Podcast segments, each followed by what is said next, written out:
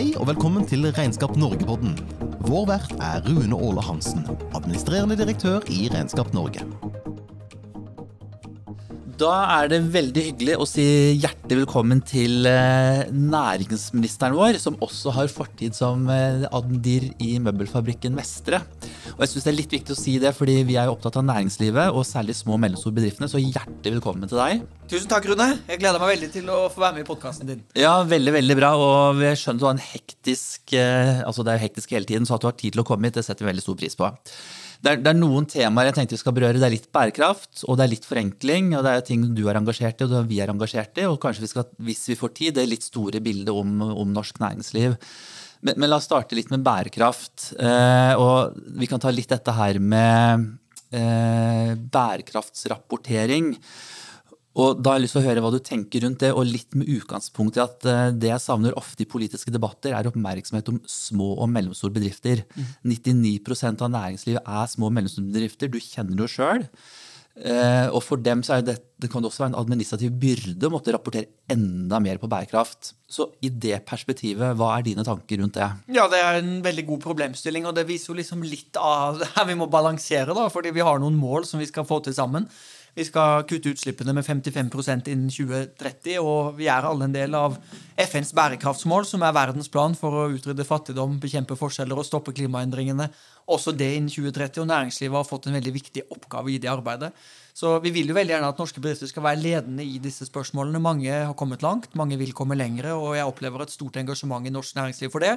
Og så må vi gjøre det på en smart måte, da, som både bidrar til at de små og mellomstore får tilgang til gode verktøy, som gjør at de kan gjøre dette på en ubyråkratisk måte.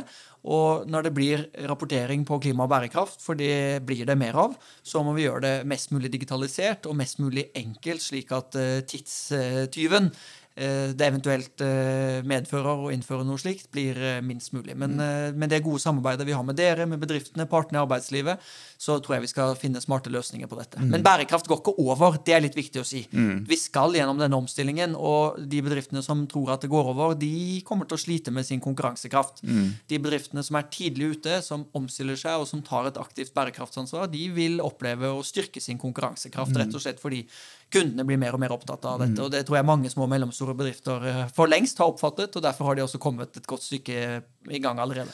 Men, og jeg er enig i det du sier. Og så er det noe med Der pågår jo bl.a. i EU-debatt om lovregulering av rapporteringer. ikke sant? De store bedriftene må, de små kanskje. Eh, og hva tror du igjen, litt med den bakgrunnen du har som næringslivsmann sjøl, eh, tror du markedet markedet vil hjelpe oss her sånn, eller vil det komme lovkrav om bærekraftsrapportering for de små bedriftene også? Hva tenker du om det? Hva, hva ønsker du deg? Hva tror du kommer? Ja, jeg tror kanskje begge deler, men, men markedet går jo ekstremt raskt framover.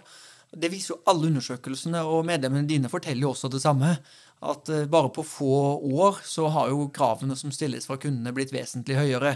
Og så er vi jo nå i en litt sånn overgangsperiode hvor en del kunder vet ikke helt hva de skal spørre om, og det er et uh, sammensurium av ulike merkeordninger og sertifiseringer og rapporteringsstandarder der ute. Men nå blir jo det stadig mer standardisert, det også.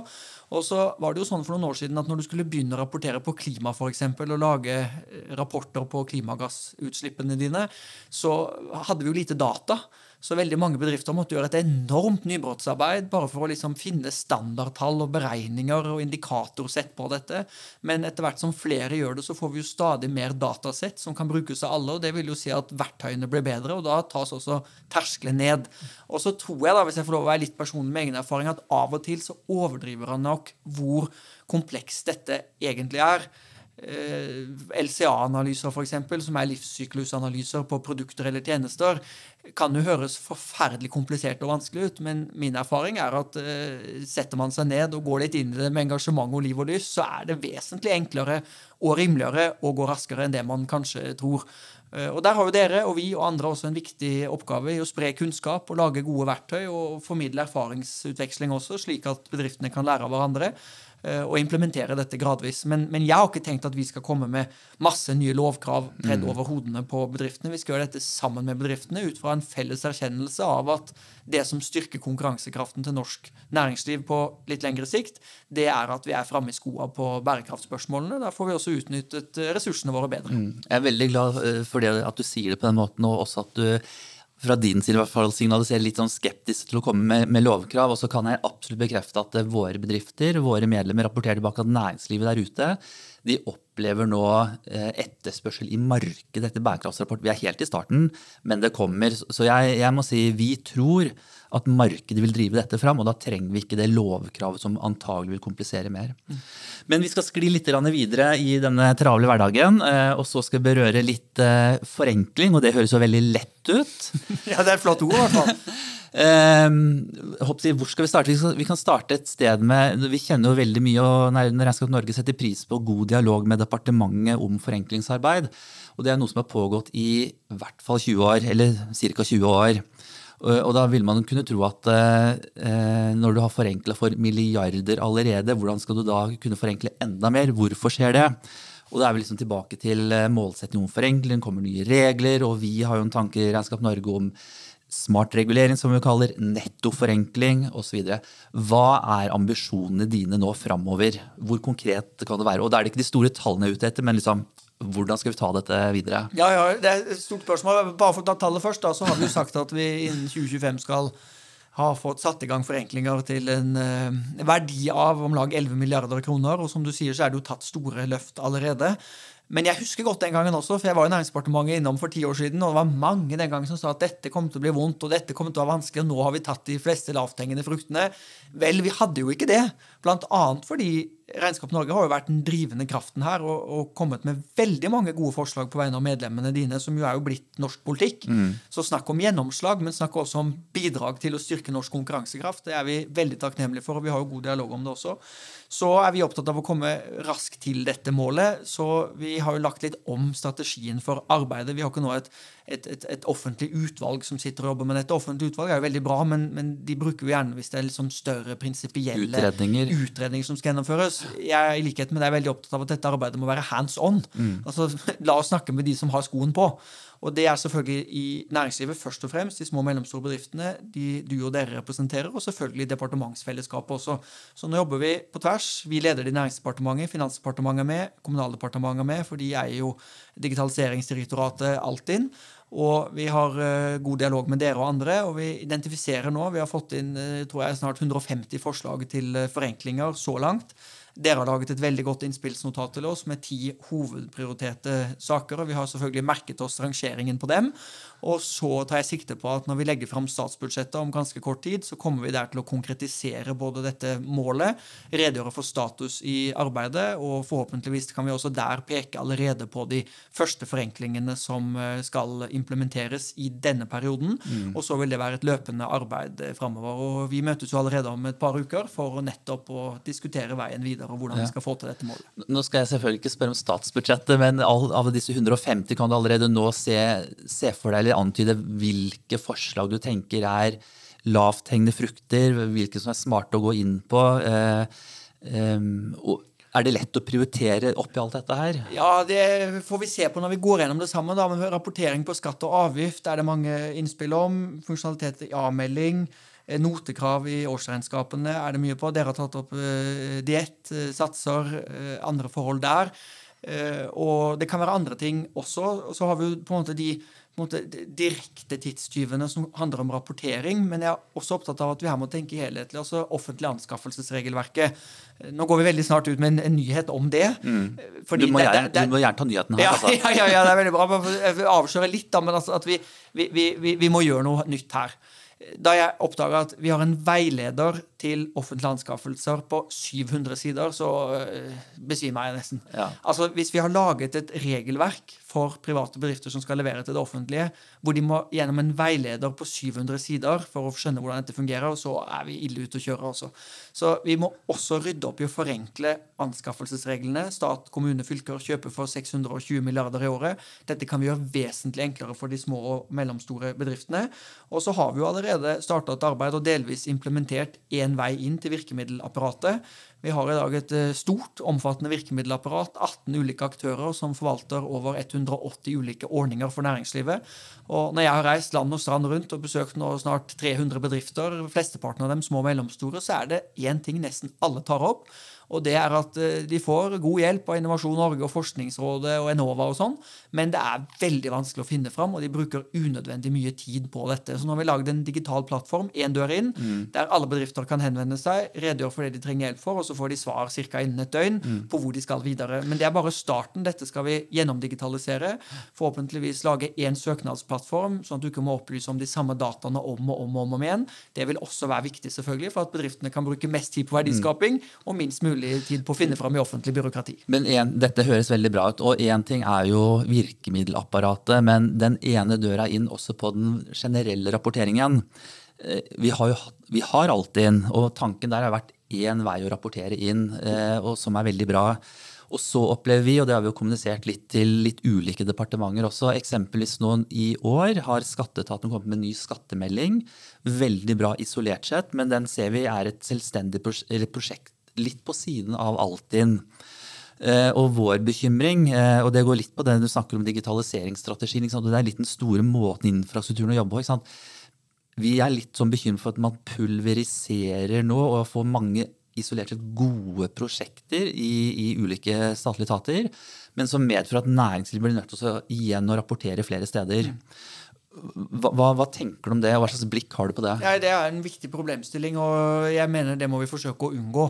Og den måten vi nå jobber eh, med dette på, nemlig at eh, Finansdepartementet, Nærings- og fiskeridepartementet, Kommunaldepartementet jobb, altså i, arbeidsgruppe regelmessig tar opp disse problemstillingene, og vi har dialog, og vi har dialog med andre aktører i næringslivet, partene i arbeidslivet eh, møtes regelmessig, tror jeg er den viktigste måten å få identifisert disse og forhåpentligvis stoppet dårlige forslag så tidlig vi kan, men også tenke helhet. fordi at eh, det er bare gode hensikter rundt omkring i embetsverkene og i statsforvaltningen, og, og, alle vil det beste, men det er også stort, og det er mange. Og hvis en ikke har et sånn helhetsovergripende syn på dette, så kan en jo risikere å gjøre en forbedring ett sted, og så risikerer man et, et annet sted å, for, å forverre situasjonen. Så jeg må si jeg har litt sans for den der nettotenkningen til Regnskap Norge. Mm. Vi må bare ha tungen litt rett i munnen, fordi at poenget med forenklingsarbeidet er jo liksom å bli kvitt unødvendige byrder eller tidstyver eller ting som ikke er nødvendig, som koster penger. Mm. Sløsing, offentlig byråkrati, det må vi liksom mest ressurser til verdiskaping, minst til det. Men det må jo ikke bli ensbetydende at vi eh, på en måte for å oppnå viktige samfunnspolitiske mål ikke kan også komme med, med, nye krav der det er behov for det. Mm. For dette skjer jo rundt oss. EUs taksonomi for eksempel, mm. blir jo veldig viktig for at kapital skal gå i en grønn retning og mm. bidra til raskere omstilling. Men i det ligger det jo også noe sånn grunnleggende uh, rapportering, for du må på en måte vite da hva er grønt, og hva er ikke mm. grønt, ulike grader av grønt. Og jeg vil jo ikke si at EUs taksonomi står i veien for forenklingsarbeidet. Snarere tvert imot er det viktig for bedriftenes konkurransekraft over tid.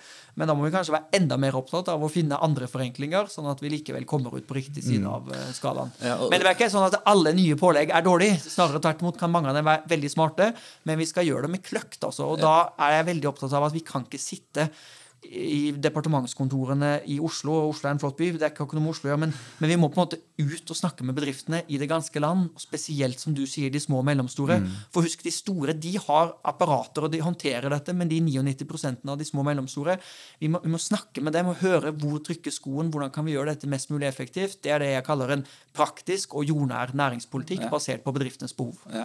Altså, jeg har lyst til å bare si at jeg, jeg vi er i Regnskap Norge fortsatt opptatt av dette med nettoforenkling. For det er noe med å ha liksom, bevissthet rundt det målet eh, og, og, utfordre tilbake, særlig i forvaltningen og departementet. ikke sant?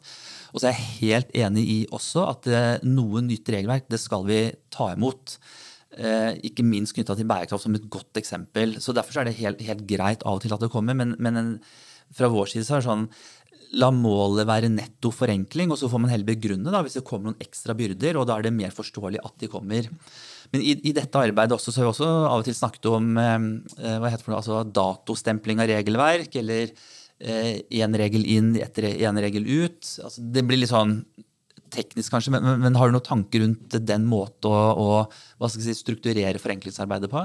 Ja, det, det, jeg er jurist selv, og det er klart at dato på, på, på lover og regler berører jo liksom er Lovteknisk litt krevende, da, men, men også på en måte Stortinget vedtar jo landets lover, og at de skal ha en tidsbegrensning, kan ha noen rettslige sider som ikke er så lett å overskue. Og, og det samme med én inn og én ut jo, kan jo også bli begrensende. For det kan være at det er perioder vi kan kutte mer enn det vi innfører, og så kan det være andre perioder vi må innføre mer. Men jeg syns jo at begge de på en måte, Vi ikke kalle det prinsipper, men, men, men, men tankene er jo gode i den forstand at de hele tiden minner oss om at målet må være gjøre ting så enkelt som mulig, så rasjonelt som mulig, men selvfølgelig forsvarlig. Mm. Men jeg husker også tilbake ikke sant, sist jeg var i Næringsdepartementet, da, da vi diskuterte oppbevaringsplikt. Det var kjempeviktig innspill fra Regnskap Norge. Dere var liksom pådrivere for det. Eller vi snakket om revisjonsplikt for de mm. minste. Mm. Mm. Og mange den gangen som advarte mot uh, Det var ikke måte på hva som skulle gå gærent å skje. Og det kan godt hende at vi har ett og to og tre og fire og fem tilfeller på at et eller annet har hendt. Men det store bildet var at det var en stor suksess. Mm. Så hvis vi skal snakke litt om på en måte, suksesskriteriene for forenklingsarbeidet, så mener jeg at vi må også tørre å være litt kreative og teste og prøve fordi det er veldig lett å ha motforestillinger til all endring. Mm. Og det er alltid veldig komfortabelt å si at nei, det går ikke, og det har vi ikke prøvd før, så det bør vi for guds skyld ikke prøve. Men da stopper også utviklingen litt opp. Mm. Og hvis vi kan liksom sammen ha en sånn forståelse av at eh, ok, vi har ikke alle svarene, men, men la oss i hvert fall gå så langt vi kan og prøve å forsøke å ivareta denne balansen, så kommer vi i hvert fall lengre mm. enn hvis vi eh, våkner opp om morgenen og er livredde, altså, fordi eh, det, det har vi ikke tid til. Og jeg er helt enig, og jeg hadde en kollega som sa at hvis man aldri gjør feil, så har man aldri turt å utvikle noe, noe nytt heller. Så det er bra holdning. Det er jo helt rett, ikke sant? og de, de grunnleggende prinsippene ligger jo i, i bunn. Ja. Men, men, bare tenk på digitaliseringen, liksom, og du har jo helt rett i Men, men det som er jo eh, målet med Altinn, og, og mange land i Europa ser jo til oss med beundring for hva vi har fått til der og en kjempegjeng i Brønnøysund som jobber med dette, de andre direktoratene. Og her er det et, et, et stort potensial. Vi snakker om bærekraftrapportering, f.eks. Det vil bli mer av det i EU-taksonomi og i EU-regelverk etter hvert. Men tenk hvis vi nå sier at vi skal være best i Europa på å digitalisere sånn type rapportering. Lage gode systemer som er like lett for pølsemakeren på hjørnet som for Yara å rapportere på. Så gjør vi jo virkelig noe som kommer til å stå seg for ettertiden. Så det får være målet vårt. Og lytterne hørte det her først. Ja, ja, det gjorde de. Det er det ingen tvil om. Veldig bra. Du, Vi skal runde av litt, men vi må innom det litt sånn store næringspolitiske bildet. Norge, verden lever jo i en eh, urolig tid, og i, nå i høst fortsatt sannsynligvis, eh, så er det jo strømkrise eller strømutfordringer. Stadig utfordringer. Eh, vi, vår mening i Regnskap Norge, vi har ikke noe mening isolert sett om støtteordninger som sådan, om det bør være eller ikke være. Det vi er opptatt av, er at de er for, forståelige, enkelt å håndtere og eh, forutsigbare. Og litt eh, erfaringen vår bl.a. fra pandemien var at det var en del gode støtteordninger, mange gode intensjoner, men utfordringen for veldig mange var at de ble endret underveis. Mm. Premissene ble endret underveis, eh, vilkårene ble endret underveis. Så vårt innspill, og det er litt på siden, men jeg tenker det er likevel greit å bare legge inn det også, at det er at uh, bruk heller litt tid på å få forståelige og enkle ordninger enn å bare haste inn i et eller annet.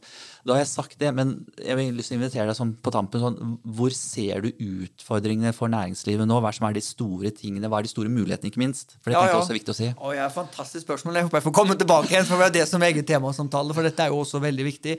Det store bildet er at det går veldig godt. Nå har vi en arbeidsledighet på 1,7% Den har ikke vært eh, lavere på 15 år. Mm. Vi har den høyeste sysselsettingen på 10 år. Det er sterk vekst i norsk økonomi. Riktignok anslagene noe lavere enn for en tid tilbake, men det er likevel høy vekst så høy vekst at sentralbanksjefen, som er meget dyktig, advarer mot raskere og hyppigere renteoppganger. Det går direkte utover norske husholdninger, industribedriftene, ikke minst eksportindustrien, som jeg kjenner godt selv for å lede til en eksportvirksomhet i nesten ti år.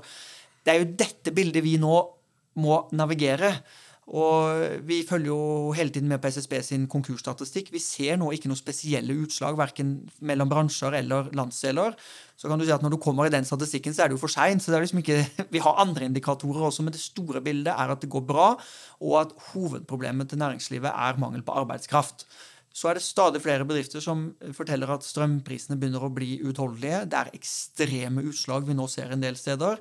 Og det er grunnen til at vi nå åpnet opp for å vurdere former for målrettet støtte som kan komme de mest utsatte bedriftene til unnsetning allerede i høst. Men det er veldig komplisert. For det første nettopp fordi makrobildet i norsk økonomi er særdeles godt. Mm. Og skal en da bruke mer offentlige midler for å, holdt på å si, varme opp en økonomi som allerede er i ferd med å bli overopphetet. Og så er det det andre som er veldig vanskelig å liksom resonnere gjennom mediene, men vi kan jo gjøre det her. og det er at vi må være veldig bevisst på balansegangen mellom det som er bedriftenes ansvar for å drive for egen regning og risiko, som betyr å ta gevinsten når det går bra, men også tape når det går dårlig, og det som er skattebetalernes og fellesskapets ansvar. Og Jeg er litt bekymret for at gjennom pandemien så har vi forrykket den balansen litt. Det er lettere å rope på hjelp når noe skjer. Og hvis vi drar det for langt, så er jeg helt sikker på at det kommer til å svekke produktiviteten, konkurransekraften og verdiskapingen i næringslivet. Mm. Rett og slett fordi at selv om ikke bedriftene sier det direkte, så etableres det likevel en følelse av at ok, hvis noe blir vanskelig, så vil staten stille opp for oss. Og Det er ikke den norske blandingsøkonomien vi er en del av, og det må vi være veldig veldig forsiktige med. Så Gitt at vi nå gjør noe på strøm, så må det først og fremst være å bidra til rimeligere og mer langsiktige fastprisavtaler, sånn at bedriftene selv kan vurdere sin egen risiko om de vil ligge i spot eller i fastpris. Husk også på Rune, at det var jo mange bedrifter som betalte jo ganske dyrt for fastprisavtaler i 2019 mm. og 2020 når strømmen nesten var gratis. De har jo forsikret seg. Hvilket signal sender vi nå da hvis de som lå i nesten gratis spot, nå får strømstøtte? Mm, mm. Masse dilemmaer.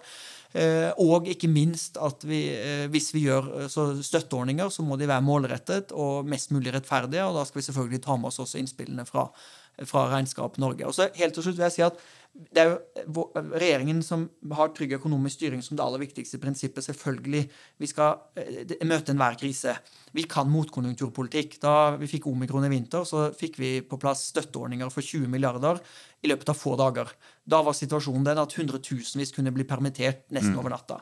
Der er vi ikke nå. og Derfor er jeg så glad for det du sier, at vi trenger å ta oss litt tid, mm. ikke gjøre noe feil. Og så må vi også sørge for at vi har nok kapasitet til det store prosjektet, som handler om at norsk næringsliv nå skal gjennom den største omstillingen noensinne. Vi har et tiår på å få det til, og lykkes vi dette tiåret, så lykkes vi de neste 50 åra. Mm. Og det må vi ikke nå glemme oppi alt det som er mm. rundt uro rundt strøm, Ukraina, inflasjon osv osv. Norsk næringsliv er robust, og de aller fleste håper og tror vi kommer til å komme seg godt, og en del også styrket gjennom denne situasjonen.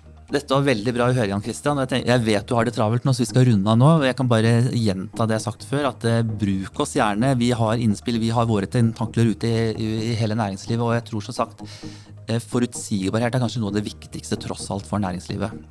Tusen takk for at du tok deg tid til å komme. Herlig. Tusen takk, og takk til dere som lytta. Og så ja. gleder jeg meg til vi ses igjen. I like måte.